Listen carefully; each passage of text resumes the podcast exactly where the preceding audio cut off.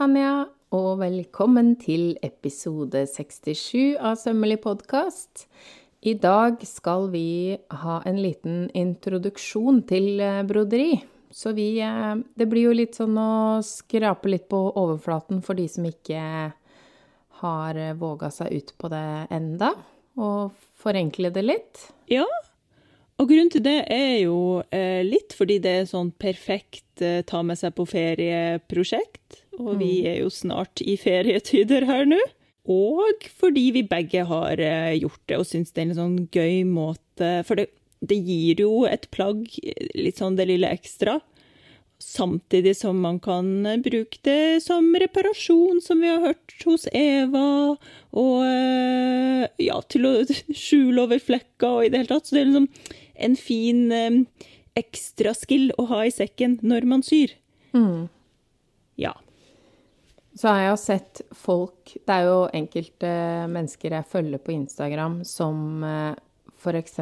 kan finne på å brodere en hel selskapskjole, altså et stoff, da, akkurat i den fasongen som den kjolen skal ha. Eh, og så sy det sammen, og så er det på en måte Så ser det ut som det var et brodert stoff. Eh, det, jeg er jo ikke på det nivået i det hele tatt, men jeg syns jo det er sånn skikkelig gøy å se på. Sånne videoer og sånn kan jeg bare sitte helt fortapt i timevis. Ja, jeg vet. Alt sånt. Og altså, broderi, det er jo um, Det er jo egentlig et eget fag. Så jeg vet i Frankrike, på sånn haute couture-hus og sånn, der har de jo egne um, De er vel sikkert syerska i bunnen, men så har de spesialisert seg på broderi, da, så de heter brodøser. Jeg synes det er et fint ord! Da kan jeg komme med en liten fun fact. Brodøse. Eh, Ja. dette var ikke planlagt, men jeg har faktisk en eh, venninne, Agnes. Hun er det. Hun er hun, hun har broderibakgrunn, eh, og, og vi møttes fordi at hun var på utveksling eh, på KIO. Eh, så hun tok motsatt rekkefølge, da. Broderi Ja. først, og så klær etterpå. Sant? og hun har faktisk brodert Jeg vet ikke om du har sett den 'Jeg heter Anne', altså det Anne fra Bjørkeli, den serien. Eh, den er på Netflix. Helt nydelig. Og jeg ble altså så starstruck når jeg fant ut Nei, vent litt. Det er ikke Anne fra Bjørkeli. Ja, OK. Uansett. Serieanbefaling. Men det var ikke den jeg skulle si. Det var vel Queens, Queens ja. Gambit. En av dem Nei, nei, det er Anne. Hvilken Queens Gambit? Jo, hun var på barnehjem. Hun var på barnehjem Queen's og hadde Gambit, sånn Gambit, ja. brodert Hun hadde en sånn brodert kjole da hun var helt liten i den Eh. serien, mener jeg. Ja, Ja, ja. Ja, ja, man ser det er Agnes som har brodert den kjolen. Å, så gøy! Ja, da var jeg altså så stolt da jeg så, for jeg så hun delte det før jeg, eh, jeg så det på, på serien, da. For vi lå litt etter med å se den serien. Og så var det bare helt sånn «Hå! Det er jo det! Der er den! Der er den! Ja, det syns jeg var gøy. Hun har også Ja, hun er jo fransk, da. eh, Og hun har også eh, vært med på den ene Coco Chanel-filmen og, og gjort broderier, så hun er sånn Ja, det er så Mm. gøy å se på. Jeg har jo gått og snoka inne på systua hennes der hun bodde før. I, Gøy. ja. Ja. Så det var en liten uh, omvei der, men, uh, men det er jo et veldig spennende yrke. Men vi skal Ja. litt mer på nybegynnerstadiet, da. Ja, ja. Um, ja. Så det første man må ha litt sånn på plass, er jo at man eh, kanskje med fordel kan ha litt utstyr i bakhånd. Så vi kan gå gjennom det først, som kom i gang utstyret. Ja. Um, skal vi starte med tråd, da? Bare så Ja. helt basic, for man bruker jo spesiell type tråd, eller broderigarn er det vel egentlig, kanskje, hvis man skal være veldig pilat. Ja. Og der, eh, det finner man i alle sånne hobbybutikker og sybutikker. Og det helt vanligste er jo den eh, moliné-garnet, som det heter, som er sånn Merket er DMC, det er vel de som er de vanligste. Men så hadde du en litt sånn snasen favoritt, Mari. Ja. Ja, og jeg trodde det var alles favoritt, fordi jeg syns den er såpass mye Fordi altså, molinégarnet, det er jo på en måte mange tråder som bare ligger inntil hverandre i en sånn hespe. Eh, mens dette perlegarnet, da, som eh, er Altså, når man sier perlegarn, så høres det ut som at man skal tre perler på det. Eh, men det er det ikke. Det er, eh, det er liksom spunnet, så det har en veldig pen glans.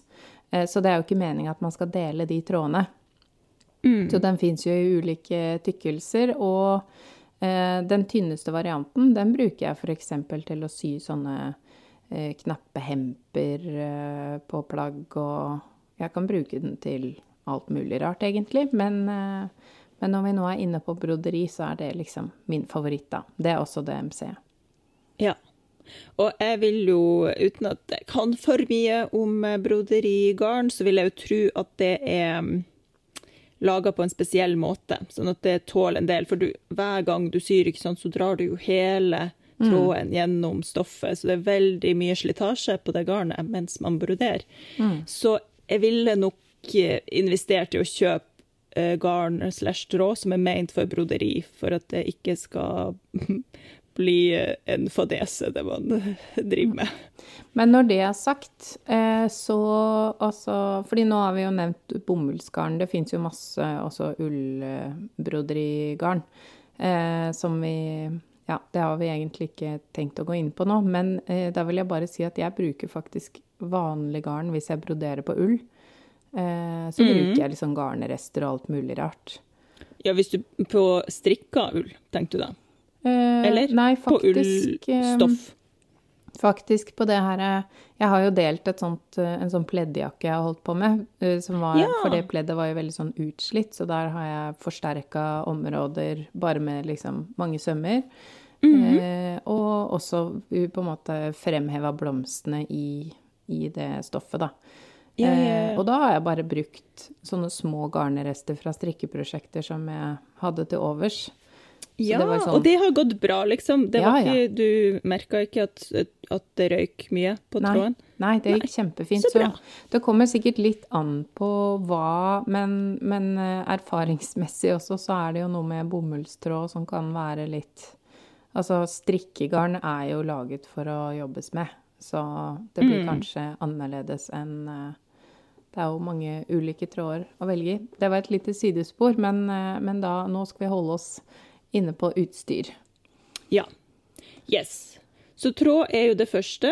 Da høres det ut som man egentlig kan eh, prøve seg litt frem. Men hvis man vil ha en sikker vinner, så er det altså broderigarn å få tak i der ute. Ja. Og der har jo både du og jeg, vet jeg, arva masse Det er jo typisk sånn du finner på bruktbutikker og loppemarked også. Fra noens gamle syskrin. Eh, Så, og det er jo faktisk litt penger å spare hvis man finner en sånn pose med litt diverse. Um, og ja, og så er det jo nåler. Yes. Der, eh, det kommer litt an på hva slags type broderi man skal bedrive, da. Eh, men Og hva slags stoff man skal brodere i, har jo også noe å si. Ja. Så det er jo enten sånne butte- butte-type nåler eller spisse nåler. De butta er jo fine hvis man syr i noe som er gjennomhulla til broderi på forhånd, eller strikketøy, eller Altså, ja, det sier seg jo sjøl. Eh, og det fine med en buttnål er jo at den heller ikke deler trådene i broderigarnet hvis man skulle treffe i et sting. For det kan jo være litt dumt med de spisse nålene noen ganger hvis man har sydd litt feil om å ta opp, og så har man på en måte sydd inni tråden. Ja. Absolutely. Så der, eh, men akkurat det der, det, her kommer sikkert alle brodøsene til å si seg veldig uenig med meg, men jeg bruk, hvis jeg skal bruke en spiss nål, så bruker jeg bare en synål, liksom. Ja. Jeg vet ikke um, Jeg vet faktisk ikke hva som skiller en broderinål fra Altså en spiss broderinål fra en vanlig synål, vet du det, Mari? Eh, egentlig ikke. Så eh, Men jeg kan se for meg at det er jo Eller akkurat det her Nå løy jeg litt, fordi jeg vet det litt. Eh, Ja. Det er viktig selvfølgelig at nåløyet er stort nok til tråden, i tillegg til at, den er, at nåla er slank nok eh, til å komme gjennom stoffet. Den kombinasjonen, fordi veldig ofte kan synåler, helt vanlige synåler, ha litt lite hode. Eh, mens eh, broderinåler skal jo frakte det tjukke, den tjukke tråden gjennom. Så det er vel en sånn forskjell som er sånn synlig, men akkurat i spissen og sånn hvordan utforming av nåla er, det kan jeg ikke så mye om. Og i min eh, nålskuff så har alt liksom ramla ut av pakkene sine. så jeg vet Jeg skiller dem ikke så veldig fra hverandre, jeg bare kjenner etter hva jeg syns passer. Ja. ja. Det er mange som har det. brukt de nålene, så det har skjedd litt av hvert oppi der. Ja. Nei, jeg er enig. Jeg bruker liksom synål, og så hvis jeg kjenner at oi, dette lugger, eller så prøver jeg meg med et litt større nåløye, eller ja. ja. ja. Men det er viktig at uh, nåløyet passer til tråden. At det er liksom uh, greit med plass der, sånn at det går smidig når man skal sy, da. Mm. Og at tråden og, passer også... til stoff, uh, fastheten, holdt jeg på å si, tettheten. Ja. Ja. Ja, at det ikke blir for tjukt, liksom kjempefluffy tjukt garn ned i supertett vevd bomull, tenkte du på. Ja, det er vanskelig. Ja. ja. Yes.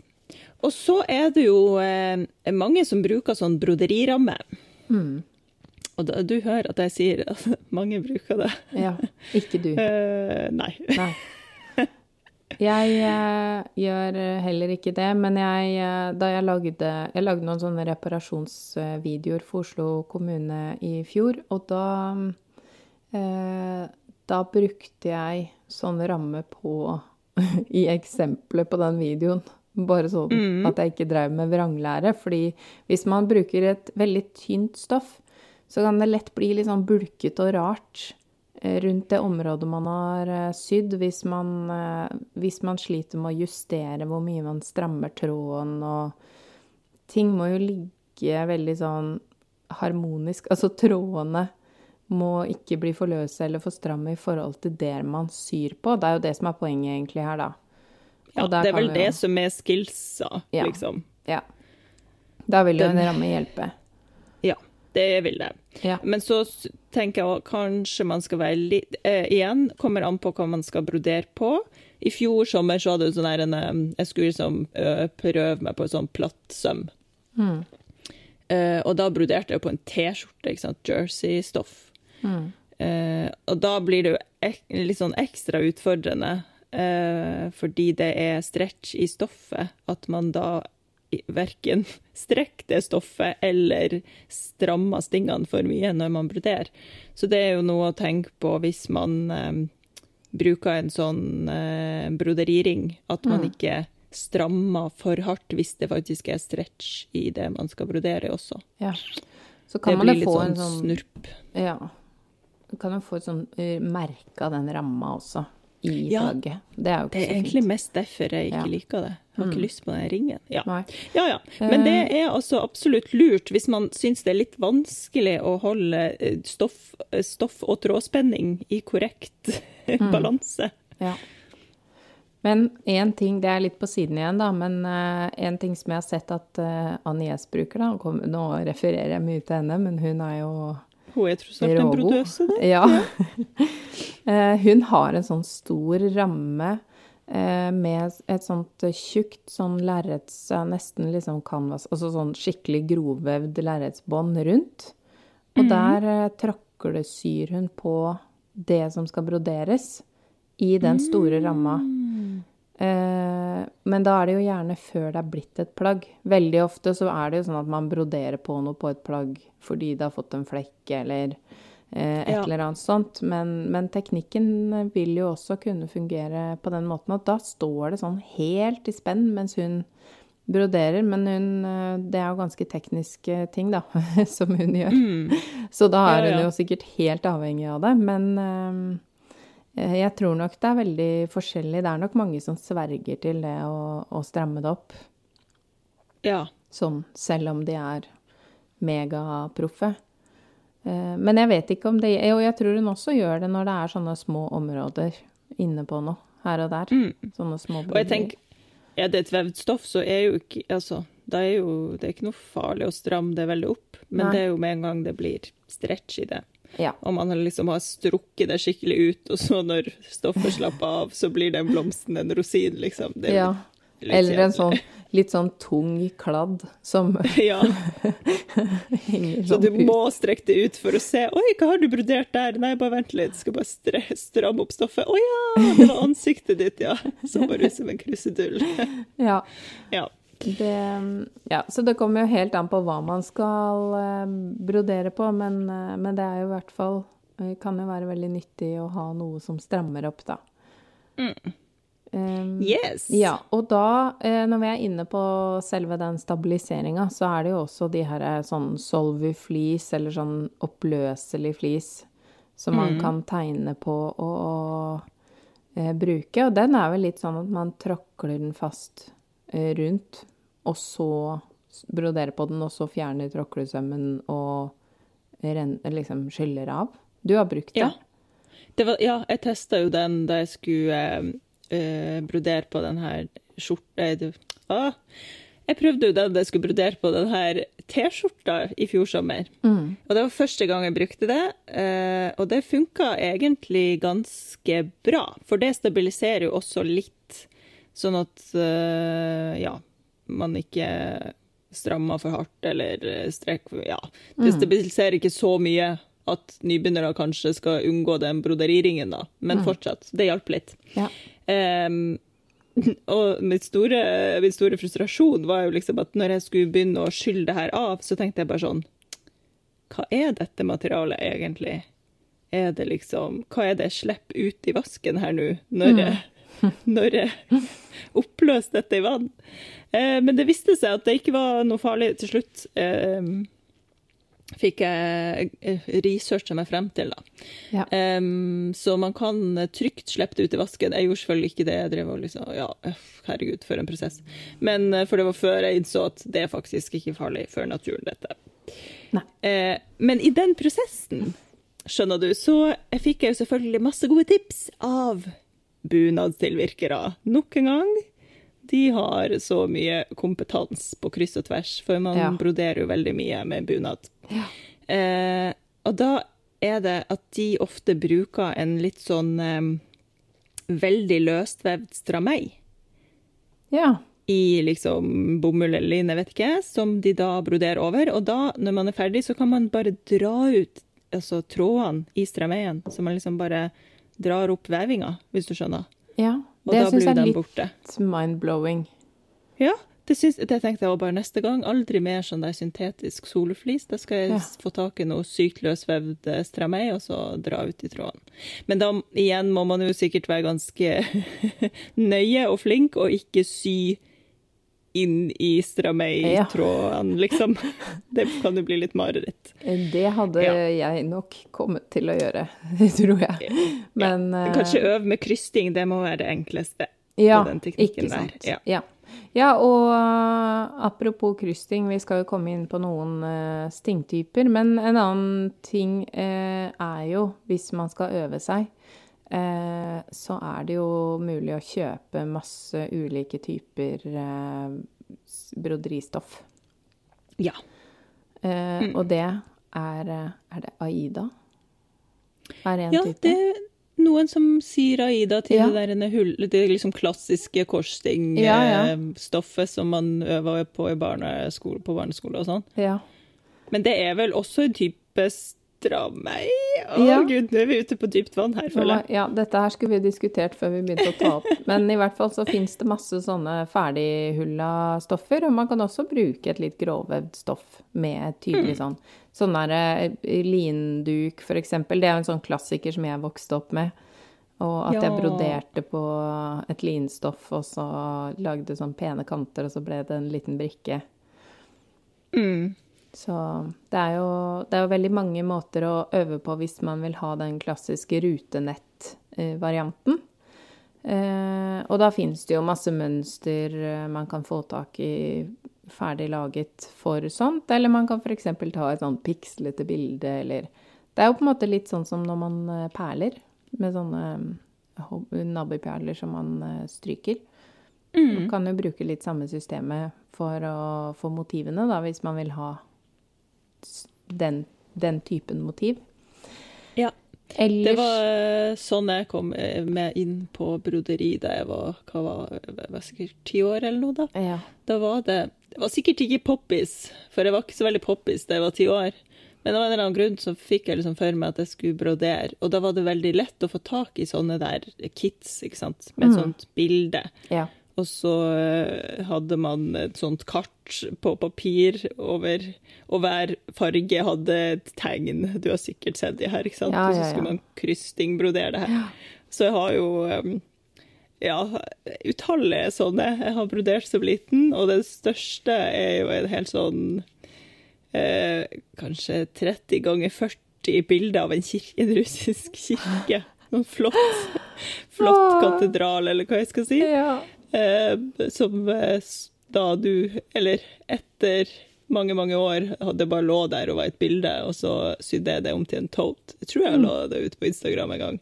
Jeg blir fortsatt litt sånn her, herregud. Det For en uh, ungdomstid jeg Ja. hadde, når jeg ser på det.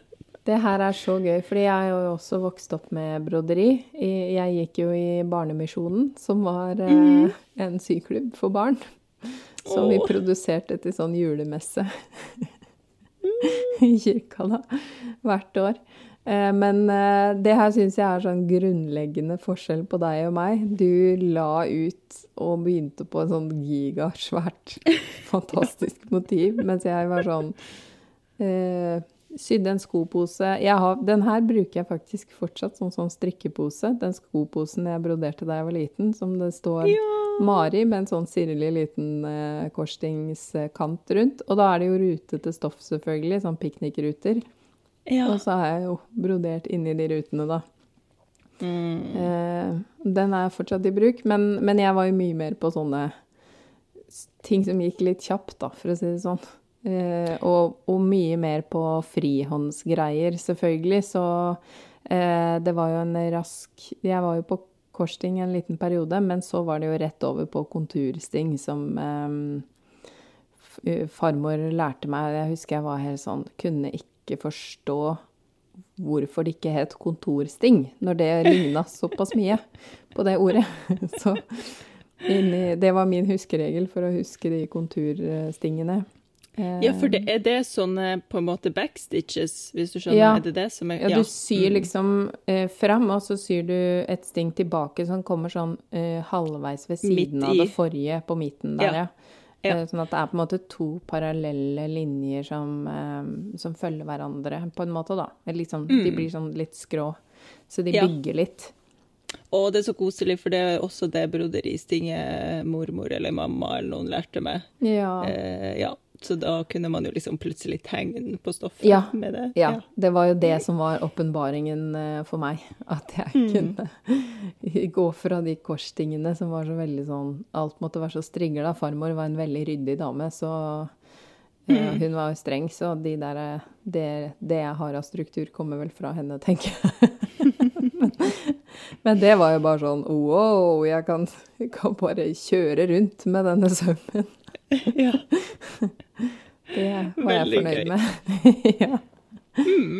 ja, men da kan vi egentlig fortsette med typer sting, da. Nå Ja. har vi jo nevnt eh, korssting. Det er jo eh, veldig eh, Alle har sikkert vært bortpå det. Det føler jeg er sånn eh, barneskole mm, Hva heter det? Ikke Ja kompetanse, det, men ja, det er sånn man lærte på tekstil, eh, liksom, ja. på skolen. Ja. Eh, og apropos det, for da husker jeg at farmor var veldig opptatt av at man skulle være litt effektiv. Eh, så da liksom skulle jeg ta halve krysset på vei til, på en lang rekke. Sy bare sånn skrå én vei, skrå tilbake igjen, så det ble likt. Jeg tok, kryssa jo aldri den veien på undersiden som hun mente, så det var alltid noen sånne på tvers inni der. Har du noe forhold til det? Var det sånn, sånn du Du holdt jo sikkert på med det da du hadde det der bildet. Ja, altså ehm, Jeg hadde jo en slags sånn hang-up i at alle kryssene måtte være samme vei. Ja. Ja, Farmor også. Ja, ikke sant. Um, og eh, jeg var veldig glad i farmoren din sin eh, tilnærming da. At man Ja. liksom kjører skrå ene veien, og så tilbake, så blir det kryss på veien tilbake. Mm. Men det går jo ikke hele tida, fordi Nei. Altså, det, det mønsteret her var ganske advanced, så det var jo veldig mye farger inni hverandre, og det var helt sjukt, Ja. egentlig. Ja. Um, men der jeg kunne, der det var sånne lange strekk, der jeg bare Mm. kunne kjøre sånn skråstrek, skråstrek, skråstrek, skråstrek, og så tilbake, tilbake, tilbake, da var jeg fornøyd. Ja. ja, jeg likte veldig godt ideen av det, men jeg skjønte ikke hvordan jeg alltid klarte å rote til at det ble en feil vei inni der. Det skjer. Fort gjort. Ja, så det var bare en liten sånn eh, digresjon om uh, korsting. Ja. Og så er det jo en, en annen favoritt hos meg. Gode, gamle uh, tråklesting, eller forsting, da, som det egentlig heter på broderispråk. Um, det er jo rett og slett bare sånn opp og ned, opp og ned, opp og ned. Jeg syns det kan være veldig fint hvis det er mye av det, sånn i enten sånn som man gjør når man reparerer, at det er mange rader nedover, eller bare som en sånn liten kant rundt noe, eller Jeg syns det er veldig koselig. Det er nok fordi at det er sånn så basic. Mm. Ja, det bruker jeg veldig lite. Mm. Og det er nok fordi at jeg syns eh, med en gang jeg begynner med sånne Sånne type tråklesting, da, der liksom stinget skal være ca. like stort som mellomrommet, Mm. Så ser det altså ut som jeg er fem år gammel og aldri har holdt i nåletråd, for de blir jo aldri jevne nok i mine øyne, da. Um, og, og jeg må ærlig innrømme at uh, nå har ikke jeg brodert så mye i senere tid, så jeg har enda til gode å teste et sånt, du vet, alle sånne som kjører på med sånn broderiprosjekt der de bare prøver ut alle mulige sting. Mm. Det har jeg liksom ikke gjort. Jeg har brukt de tråklestingene som utkantsting før jeg kjører plattsømmen, hvis du skjønner? Ja. At jeg liksom Ja. rammer inn det området jeg skal ha plattsøm på for å holde det stabilt noen gang. Mm. Uh, men aldri som med sånn ta-da, her er, her er tråklestinga som en del av motivet. Ja, Jeg bruker det hele tida, jeg.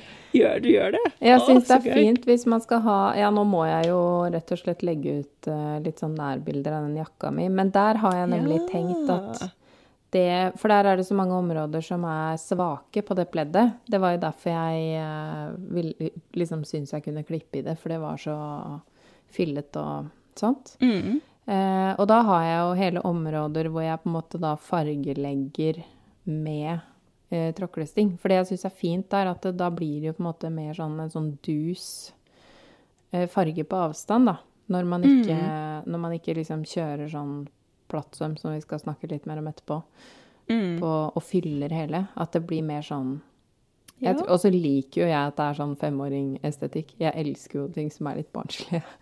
Ja. så det er jo noe med det òg. Men uh, ja, men det er gøy. Det, Mm. det er et fint sting, da.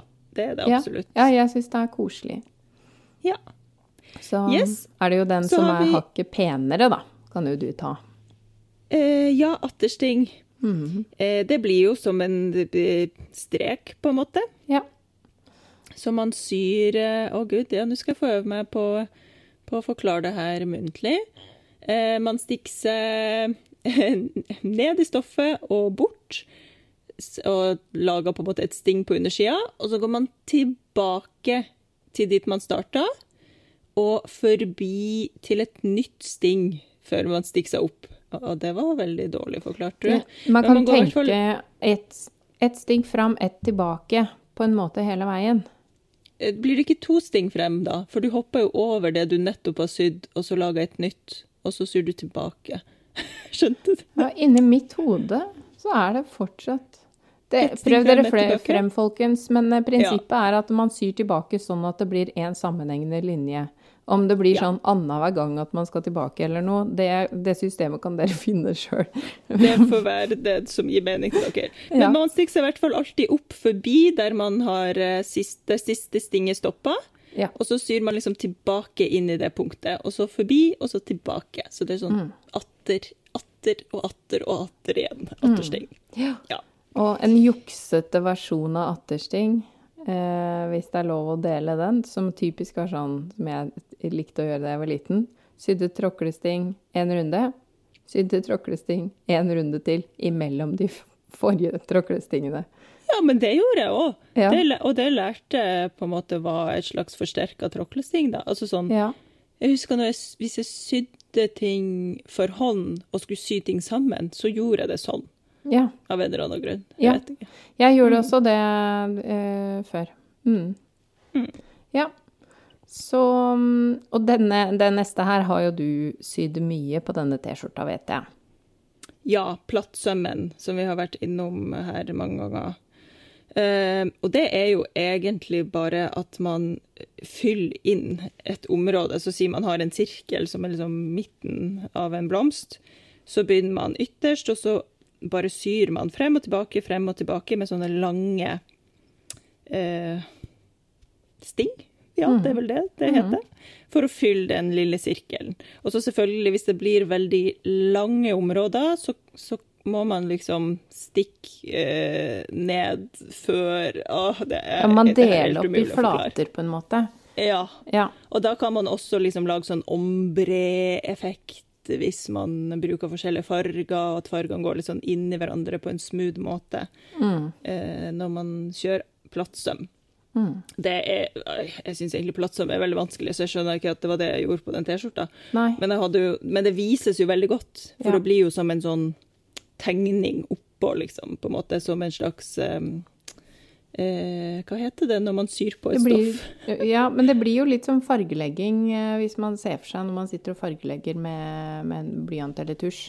Det blir Ja. jo sånne streker, på en måte. Applikasjon var det ordet. Ja, det var det du var ute etter. Ja. ja, det blir som å liksom applikere noe helt oppå stoffet, da, for det blir Ja. liggende veldig sånn opp. Ja. Bare at tråden er Um, applikasjonen. Ja, Ja. nettopp. Så eh, plattsøm, veldig vanlig i bunad også. Mm, Plattsømbrodering. Og eh, eh, man må øve. Ja. Det er vel det eneste jeg kan si. Det er jo For helt at det skal bli nydelig. smooth. Ja. eh, Det er nydelig når man kan det. Ikke veldig pent når man ikke kan det.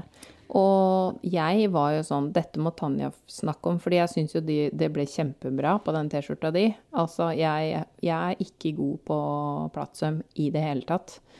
Eh, men jeg syns det er så fint når andre får det til, og så blir jeg sånn åh, Er det bare det at jeg må øve da, eller?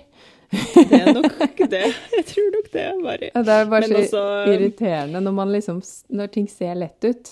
Men det vil jeg også si at uh, en del av de som vi skal uh, ramse opp på inspirasjon etterpå, det er en del av de som har litt sånne videoer som man lett kan se hvordan ting gjøres. Ja. Absolutt. Mm. Ja. Og plattsøm, kanskje ikke det første man trenger å kaste seg uti, men det er veldig gøy. Og, og ja. ja, jo mer Og det trenger jo ikke være perfekt, herregud. Det, det, altså, det der T-skjorteprosjektet, det var ikke ment å være en nydelig bunadsetterligning, liksom. Det er jo bare for artig, og for Ja. å ha litt sånn Noe litt annerledes på klærne sine. Ja, og da vil jeg også bare nevne, som jeg er litt usikker på om vi nevnte tidligere, men husk på at det du broderer med bør eh, passe til stoffet, sånn at ikke ting krymper forskjellig. Eh, kommer jeg plutselig til å tenke på. For det er jo veldig kjedelig. Ja. Ehm, og, og grunnen til at jeg kom på det nå når vi snakka om plattsøm, er jo fordi da blir det et sånt stort, sånn flatt område. ja. Og så hvis det krymper sammen, så blir det liksom bare en sånn klump. Det er ikke så fint. Nei. Eh, men ehm, ja, i hvert fall. Og det, det som er gøy med plattsøm, eh, hvis man ikke Fordi at eh, det er jo veldig pent når det blir sånn skjematisk, at man vet akkurat hvor langt det skal være mellom hvert sting og sånn.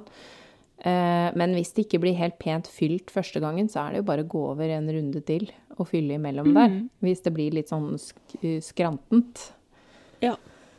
Så Yes. Ja, jeg det- ser vel for meg at det er sikkert sånn som alle som faktisk gjør plattsøm profesjonelt, tenker bare sånn Nei, det, ikke gjør det. Ikke Men vi si sier det. bare gjør det. Bare gjør det. Det går fint.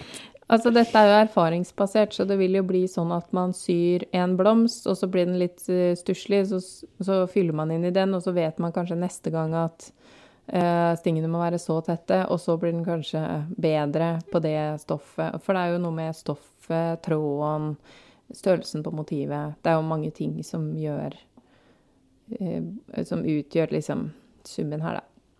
Yes. Ja. All right. Ja. Eh, det var plattsøm. Mm. Eh, Så er det jo franske knuter, som eh, nok veldig mange kjenner til, og som mange kan. Og det ser jo fryktelig enkelt ut, men det å få den knuten plassert rett sted på, på tråden, det er sånn man, Da må man uh, finne en metode, da. Men uh, jeg syns i hvert fall For det, det, man i prinsippet gjør, er jo at man tar tråden opp av stoffet, og så lager man en knute. Og da må man jo stramme sånn at den knuten blir liggende inntil stoffet. Og så går man ned igjen. Men der er det så mange måter å gjøre det på. Og jeg -hmm. tror at du gjør det på en annen måte. Mener jeg har sett deg gjøre før en eller annen gang. Stemmer det? Jeg vet ikke om jeg noen gang har eh, vist det, men, men jeg snurra jo Snurra på en måte tråd, tvinna tråden rundt og rundt nåla. Mm. Og så drar den opp, og så stikker den ned. Ja. Jeg har sett deg gjøre dette, så du må jo ha vist det. fordi at jeg ja, det. så for meg at du gjorde dette. ja. Uh, ja, så det gjør jeg. Så jeg har jo liksom Eh, å, herregud, igjen, hvordan skal jeg forklare det her? Jeg stikker på en måte nåla eh, ned, opp, opp, ned, uansett. Og så tvinner jeg rundt og rundt og rundt. Um, så jeg tar tak i tråden og tvinner den rundt nåla. og så drar jeg liksom tråden gjennom nåla og stikk den ned på samme sted. Dette her er mm. utrolig vanskelig å forklare. Jeg bare googler det. French notes ja, det, uh, fins overalt. Grunnen til at jeg ikke gjør det på den måten, det er rett og slett for jeg får det ikke til. Men jeg lurer på oh. om det er pga. dette nydelige perlegarnet at kanskje det er litt for glatt. Det er derfor jeg ikke får til de. Fordi det løsner før Altså, det blir ikke mm. knute. Uh, så, men det her molinégarnet som Det glemte glemte vi å si, tror jeg, at man kan dele det opp i antall tråder man skal bruke og sånn. Du sa man kunne si. dele det. Jeg sa det. Ja, OK. Ja. Samme det. I hvert fall. Eh, det er jo litt mer sånn eh, Det er jo ikke så glatt. Så det er kanskje lettere å lage franske knuter med det. Jeg vet ikke. Men jeg er, er altså helt elendig på det. Hmm. Men det er ikke så Eller man må på en måte eh, Ja, man må eh, Finn grooven, hvis du skjønner. Ja. For det er noe med Etter jeg har spunnet den tråden et par ganger Det kan ikke være for mange spinn, og så må man på en måte stramme ganske godt opp mens man uh, syr igjennom. Mm. Ja, jeg tror egentlig det er det. Men det kan også et, Ja, kanskje det er garnet, da.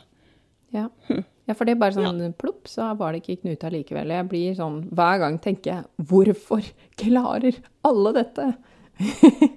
så derfor har jeg gått over til sånn en, Bare lage en liten knute, huske ned igjen. Og sy ned igjen. Ja, ikke sant. ja. For det mange, klarer jeg. Det er mange veier til mål her. Ja.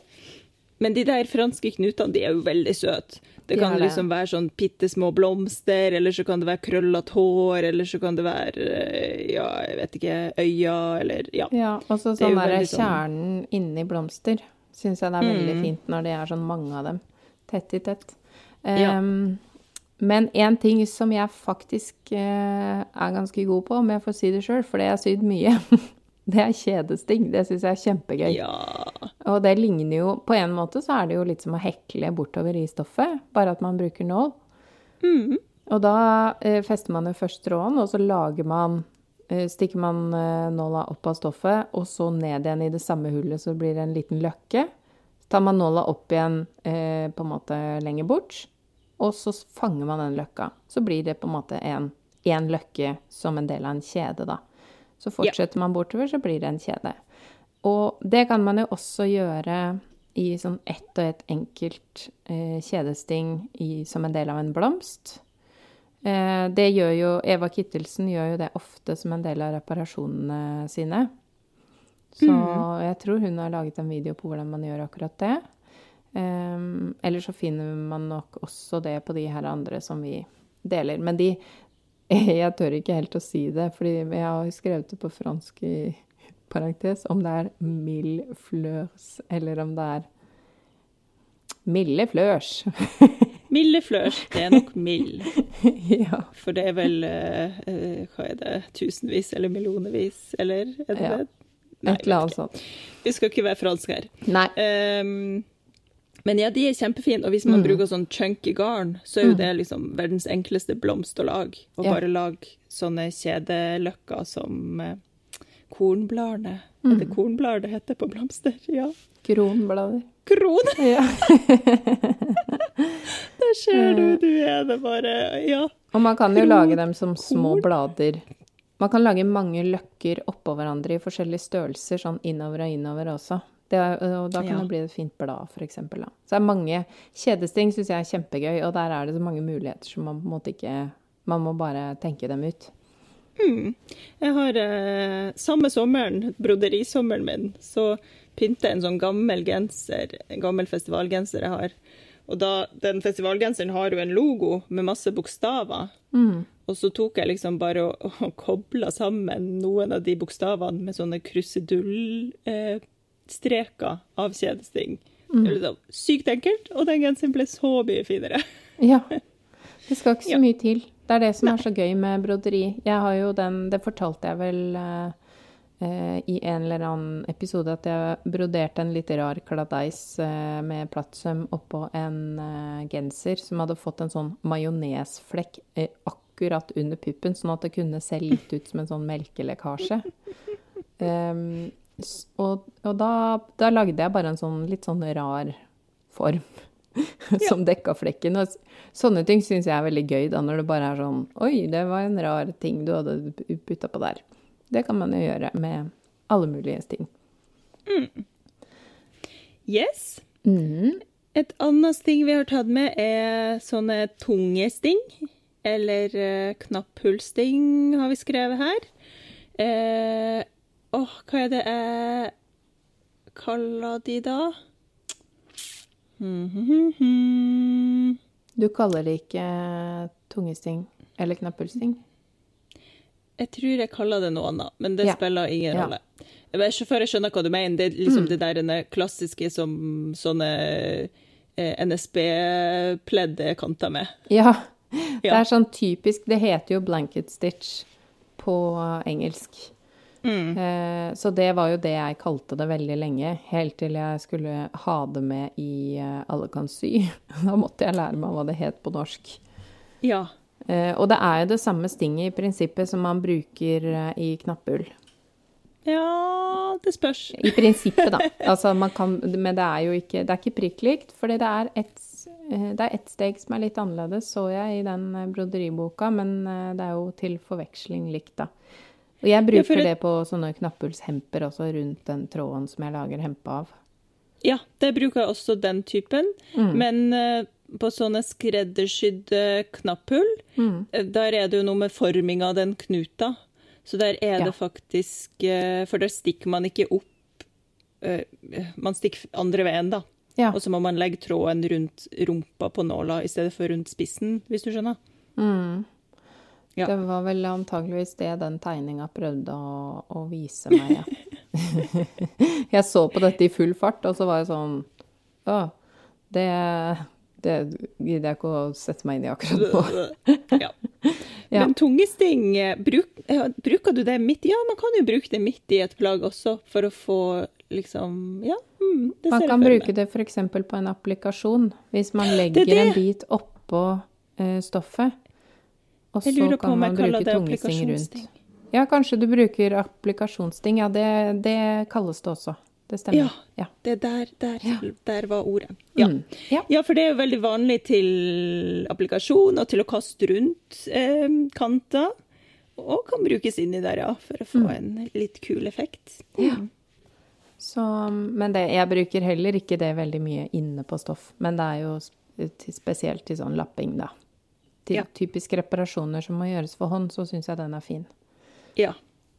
Veldig fin. Mm.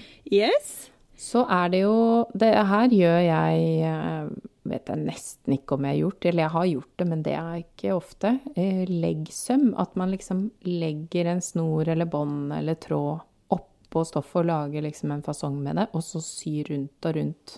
Sånn at det blir som en sånn pyntesak. Åh, det er så mye fin sånn vintage-potensial i det der, men Ja. jeg har aldri gjort det sjøl. Nei. Det mm, Jeg har i så fall bare gjort det for å liksom feste noen sånne Hvis man har noen lukninger, eksempel, med noe ekstra dilldall på, eller Ja. Mm. Um, men det Men det er virkelig vakkert, da, fordi mm. hun lager de altså Jeg har sett bilder og sett plagg med utrolig sånn forseggjorte eh, mønster. Og da er det jo Man har jo kanskje gjerne en sånn spagettistropp, eller hva jeg skal kalle det. Mm. En rouleau, som det heter på fransk. Ja. Eh, som da er veldig lett å forme fordi den er klipt på full skrå. Ja. Så man kan lage de villeste spiraler og kruseduller og sånn og sy ned. Mm. Og så er det vel òg noe med at noen syr det ned med sånn gulltråd eller et eller annet Ja. Har du Ja. Mm. Det har jeg sett. Som, som man kan er, Som heter noe spesielt også. Som er liksom en egen teknikk igjen. Ja. ja. Jeg tør nesten ikke å si det, men sånne agramaner og sånn, er det det det heter? Det er jo Består vel ofte av noe sånn, av, sånn ja, Den typen snor som er liksom sydd Eller ja. ja, sydd rundt og rundt og rundt. Mm. Mm. Jeg tror du har rett. ja, ja jeg er livredd for å si sånn. si noe feil. Ja. ja ja, men det må være lov, det. Og så får vi bli korrigert. Det blir vi. Um, ja, så det er vel liksom de uh, sømmene i et nøtteskall. Nå går vi ikke noe inn på perlebroderi, for det er på en måte en Jeg vet ikke om det er en egen greie, men i hvert fall så kan man jo putte perler inn i dette her, da. Mens man holder på. ja, det, mm, det, er nok også en egen greie, vil jeg ja. tippe. Ja. Jeg føler det. Men det er jo i hvert fall også helt nydelig. Jeg syns jo innimellom så hender det at jeg bare går på hashtaggen uh, embroidery på Instagram. Og bare mm. sånn sitter og scroller og blir helt sånn bedøva, for det er så mye fint. Så mye fint. Men for der, når det begynner å bli perler, og de liksom syr ned en og en perle, der er det jo en eller annen sånn liten krok. Og så mm. liksom hekter de opp um, på undersida med en undertråd, og så drar den opp. Har du oh, sett ja, det? Ja, ja, det er sant, Du vet når de sånn mm. stebber ned en og en perle, og så ja. har de hånda under, så man ser egentlig mm. ikke hva som skjer under der, da. Men det er en eller annen fiffig liten trudelutt, ja. og så drar de opp den kroken, og så har de liksom laga et sting med ja. perler inni. Det er jo litt som kjedesting, egentlig. Den lager, tror jeg, den der kroken. Ja, jeg tippa nok det. Det blir litt som en heklenål. Ja. Eh, ja. Nei, så det, det, er jo utrolig mange, og så har det jo kommet veldig mange sånne broderitrender hvor man kan kjøpe spesielle typer redskaper for den og den typen broderi, men nå er vi jo mer på sånn nål og tråd. God så, gammeldags. Ja. Litt sånn uh, inspirasjon til det, så er det jo eh, spesielt en profil som eh, Det er en del videoer på hvordan man gjør ting. Eh, Hope Broidery. Altså ikke Hope Embroidery, men Hope Broidery på Instagram. Der har jeg sett mange videoer til hvordan man gjør ulike ting. Kult. Den har mm. ikke jeg fulgt, men det skal jeg notere meg her. Hope mm. Broidery. Ja. Den, så den er jo veldig sånn Viser hvordan man gjør ting. Mm. Den uh, tipper er digg. Mens mm. jeg føler jo um, Jeg føler jo, og du føler også, eh, vet jeg, Tessa mm. Parlo. Ja. Perlo? Perlo? Ja. Og det er jo mer sånn innspo, bare sånn pent. Ja, det er utrolig mye vakkert. Uh, Yes. Veldig kult. Hun er jo det man kan kalle en uh, stitch witch, fordi det er sånn litt sånn derre uh, tarotkort, uh, heksete motiver uh, som Altså, jeg elsker det. Hver gang hun legger ut noe, så er jeg sånn Åh, jeg vil være henne. Jeg syns, ja. hun er veldig kul. veldig gøy. Eh, ja, så hun, hun vet jo ja, at vi begge følger, og der er det mye sånn um, Hva skal jeg si, da? Um, det er ikke minimalistisk, for å si det sånn, da, Nei. det, det Tessa gjør. Ja. Det er ganske utbrodert. Det er, ja, det er utbrodert, og det er eh, Hun selger jo klær, eh, så hun bruker det jo som eh, upcycling. At hun finner klær brukt som kanskje er fillete eller flekkete, og så broderer hun noen helt sånn crazy, nydelige motiver, og så selger hun det. Mm. Eh, så der er sånn Hvis man skal ha inspirasjon til kule ting man kan gjøre på klærne til broderi som er liksom ikke traust overhodet, så er det jo ja, Jeg hadde jo sikkert brukt tre år på ting som hun gjør på en uke, da. Ja, det er, vel, ja, det er veldig Ja. Utbrodert er det beste Ja. ordet jeg Ja. kommer på her nå. Mm. Men veldig kult. Ja. Yes. Eh, og en annen sånn innspo for meg, det er eh, Marikor Marikar. Ah. Eh, altså kor og kar da med C. Eh, som Og det er eh, Det er noen som broderer på en måte sånn eh, tekst til en bokforside. Det er på en måte broderi på bestilling til sånne store jobber, da. Eh, så det er, men det er rein inspirasjon. Jeg blir helt sånn hver gang. Det er så mye Ikke fint. sant? Ja. Nå nå, eh, putter jeg meg sjøl inni her kjapt. Det ser veldig artig ut. Follow, skriver jeg bare. ja. Ja, Mm. artig. Kult. Um, hvis noen er ute etter Jeg kom på en sånn mens vi prater her, at Mm. jeg egentlig har en innspo. Hvis noen er interessert i litt mer sånn um, stilrede, eller hva skal jeg si, veldig sånn eh, minimalistiske, moderne ting, ja. så er det en russisk dude som heter Alex Nosebleed på, Ja. um, på Instagram, og Al Alex med X. Uh, han broderer mye sånn, du vet, sånn veldig sånn strigla strek, broderi, sånn, Mm. ja. Så man kan sjekke ut han. Han er en uh, kunstnerisk dude. Det er uh, veldig gøy med sånne minimalistiske broderier. Uh, jeg har ikke tålmodighet til det, tror jeg, sjøl. Men jeg blir veldig sånn rolig inni meg og ser på at andre gjør det. Ja, sant. Eh, Han er eh, Ja, det er mye sånne, sant, sånne hender. Litt sånn som sånn, sånn som um, tatoveringsestetikk, som har Ja. vært litt inn i det siste. Det er liksom det, bare i broderi, da. ja. ja, og det apropos innspo, så er det jo masse inspirasjon å hente i tatoveringsverden, faktisk. Mm, ja. For da kan man tenke seg at man broderer en tatovering på et plagg istedenfor en kropp. Ja. Em, men uh, sånn i andre enden av skalaen så har vi wild floss. Og det skjønner man jo litt på ordet, at her er det crazy bananas-opplegg. og jeg blir Det er som en vitamininnsprøytning for meg hver gang det kommer et broderi derfra. For det er bare sånn eksplosjon av farger og teknikker oppå hverandre. Eh, Ja. som, det er som regel sånne små bilder, da. Men jeg ser jo for meg det bare sånn oppå klær. Og det hadde jeg elska. Jeg har, kan, har jo ikke tålmodighet til å holde på så lenge med Å, nå gikk jeg inn her, vet du. Det minner meg om det der eh, korallteppene til, ja. til eh, Rebekka, er det det hun heter? Nei, nå ble jeg usikker på navnet. Men ja, du skjønner hva jeg hun har vi snakka om Mm. tidligere. Ja.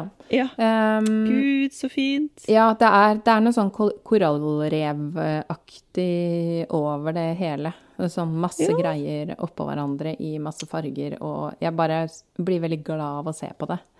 Veldig fint. Mm. For det er jo det som er så gøy med broderi òg. Jeg jeg har jo også sett sånn, ja, at eh, folk broderer et eller annet motiv, og så plutselig så har den dama hår da, som faktisk henger ut, så det trenger Det kan liksom bli veldig um, mye struktur i det. Trenger ikke være helt platt hele veien.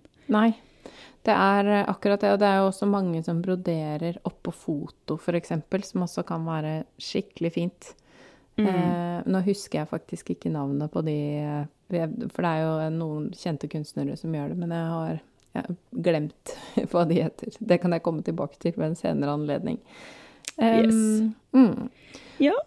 Og så her hos oss da i eh, lille Norge, så det er jo mange som driver med broderi hos oss òg. Vi har jo Ja. sagt, eh, nevnt Eva, gjør det mye som eh, synlig reparasjon. mm. Veldig kult. Sjekk ut det. Eh, på My Visible Mend kanskje er der man finner det lettest. Men Ja. Eva har det også på sin egen personlige eh, Instagram. På Eva, heter hun bare Eva Kittelsen, mon Ja, jo. Ja. Ja. Og så har vi eh, eh, I strikkeverden er det også blitt ganske hipt og poppis. Mm. Jeg føler vel at den som gjorde det, var Plystre Knitwear, den kontoen der. Ja. som er Varuné, da. Eh, som broderer mye på strikkatøyet sitt. Ja, hun var jo tidlig ute med det. Eh, og hun har vel også en bok om å Yes. brodere på klær, mener jeg. Hun har en bok om å brodere på strikk, Ja. og har, var også en av de som bidro inn til um, redesign-boka, som jeg har bidratt inn til òg. Og da har hun faktisk bidratt med broderi, da. Liksom redesigne klærne sine med broderi. Freshe de opp litt. Ja. Mm. Og det er jo mange som driver med broderi i Norge også, så vi Ja, kunne jo liksom herregud. bare ha eh, ramsa opp. Men eh, det er i hvert fall en liten liste med innspo, da. Og eh, det er jo veldig Egentlig det jeg liker så godt med broderi, er jo f.eks. at man kan ha et stoff som man syns at er veldig fint, men som det kanskje er liksom Kanskje litt tamt. Så kan man jo bare sånn brodere på en ekstra farge inni printet eh, på plagget, eller man kan eh, altså, eller før det blir et plagg. Det, men den jakka som jeg eh, har nevnt tidligere, som jeg broderte, der broderte jeg jo mest mulig før det ble en jakke. Mm. Eh, men så på et eller annet tidspunkt så kjente jeg at jeg var nødt til å sy den sammen, så jeg faktisk så hvor ting ble i forhold til hverandre. Ja. Eh, men, eh, men det er jo Man kan jo bruke det som et lite løft bare for å få et stoff til å bli litt mer seig. For det hender jo at man kanskje har arva et stoff, eller man har et stoff som var litt sånn akkurat Det mangler noe. Eh, Så er jo broderi supert, syns jeg. Mm. Veldig kult. Veldig kult å gjøre det helt sånn sitt eget, da. Hvis man eh, Ja. Mm. Hvis man egentlig er glad i litt sånn streite klær som som ikke gjør så mye ut av seg, men vil ha et eller annet lite, en liten ting, liksom. Ja. Det kan jo bare være at man broderer navnet sitt i nakken eh, inn i plagget også. Sånne type detaljer er jo veldig hyggelig. Eh, eller eh, ja, brodere en liten blomst oppå en flekk, eller en gladeis, som jeg foretrekker. Yes. Mm. Kult! Ja. Det var veldig kaotisk eh, og ikke så kort om en broderiintro, men håper kanskje at vi eh, har satt i gang litt sånn eh, kløe i broderifingrene, i hvert fall ja. til å teste litt. ja. Og jeg foretrekker jo kaotiske broderier, så dette passa meg helt utmerket. Nydelig. Helt perfekt. Så bra. Da håper vi at det popper opp noen eh, nusselige eller crazy eller minimalistiske broderier rundt omkring hos dere i sommer. Ja, lykke til med det. Og eh, broder eh, fritt og vilt, tenker jeg. Ja, Er perfekt. Det er oppfordringa. Takk for i dag. Takk for i dag. Har du lyst på enda mer sømmelig innhold? Da kan du bli en støttekontakt eller en skytsengel for podden. Da går du inn på www.patrion.com slash sommerli. Der får du masse mer tips og triks, og kan også støtte podden, så vi kan fortsette å produsere det. Har du noe ris eller ros, eller har lyst til å følge oss på sosiale medier, så finner du oss på Instagram. Der heter vi sommeli-podkast med k. Og du kan gjerne sende oss en mail på sommeli.podkast med k at gmail.com. Og så vil vi si tusen takk til Andreas Prestmo i Wildhagen Studios, som eh, klipper og får oss til å høres fine ut. Og tusen takk til Synnøve Overid, som lager den fine musikken vår.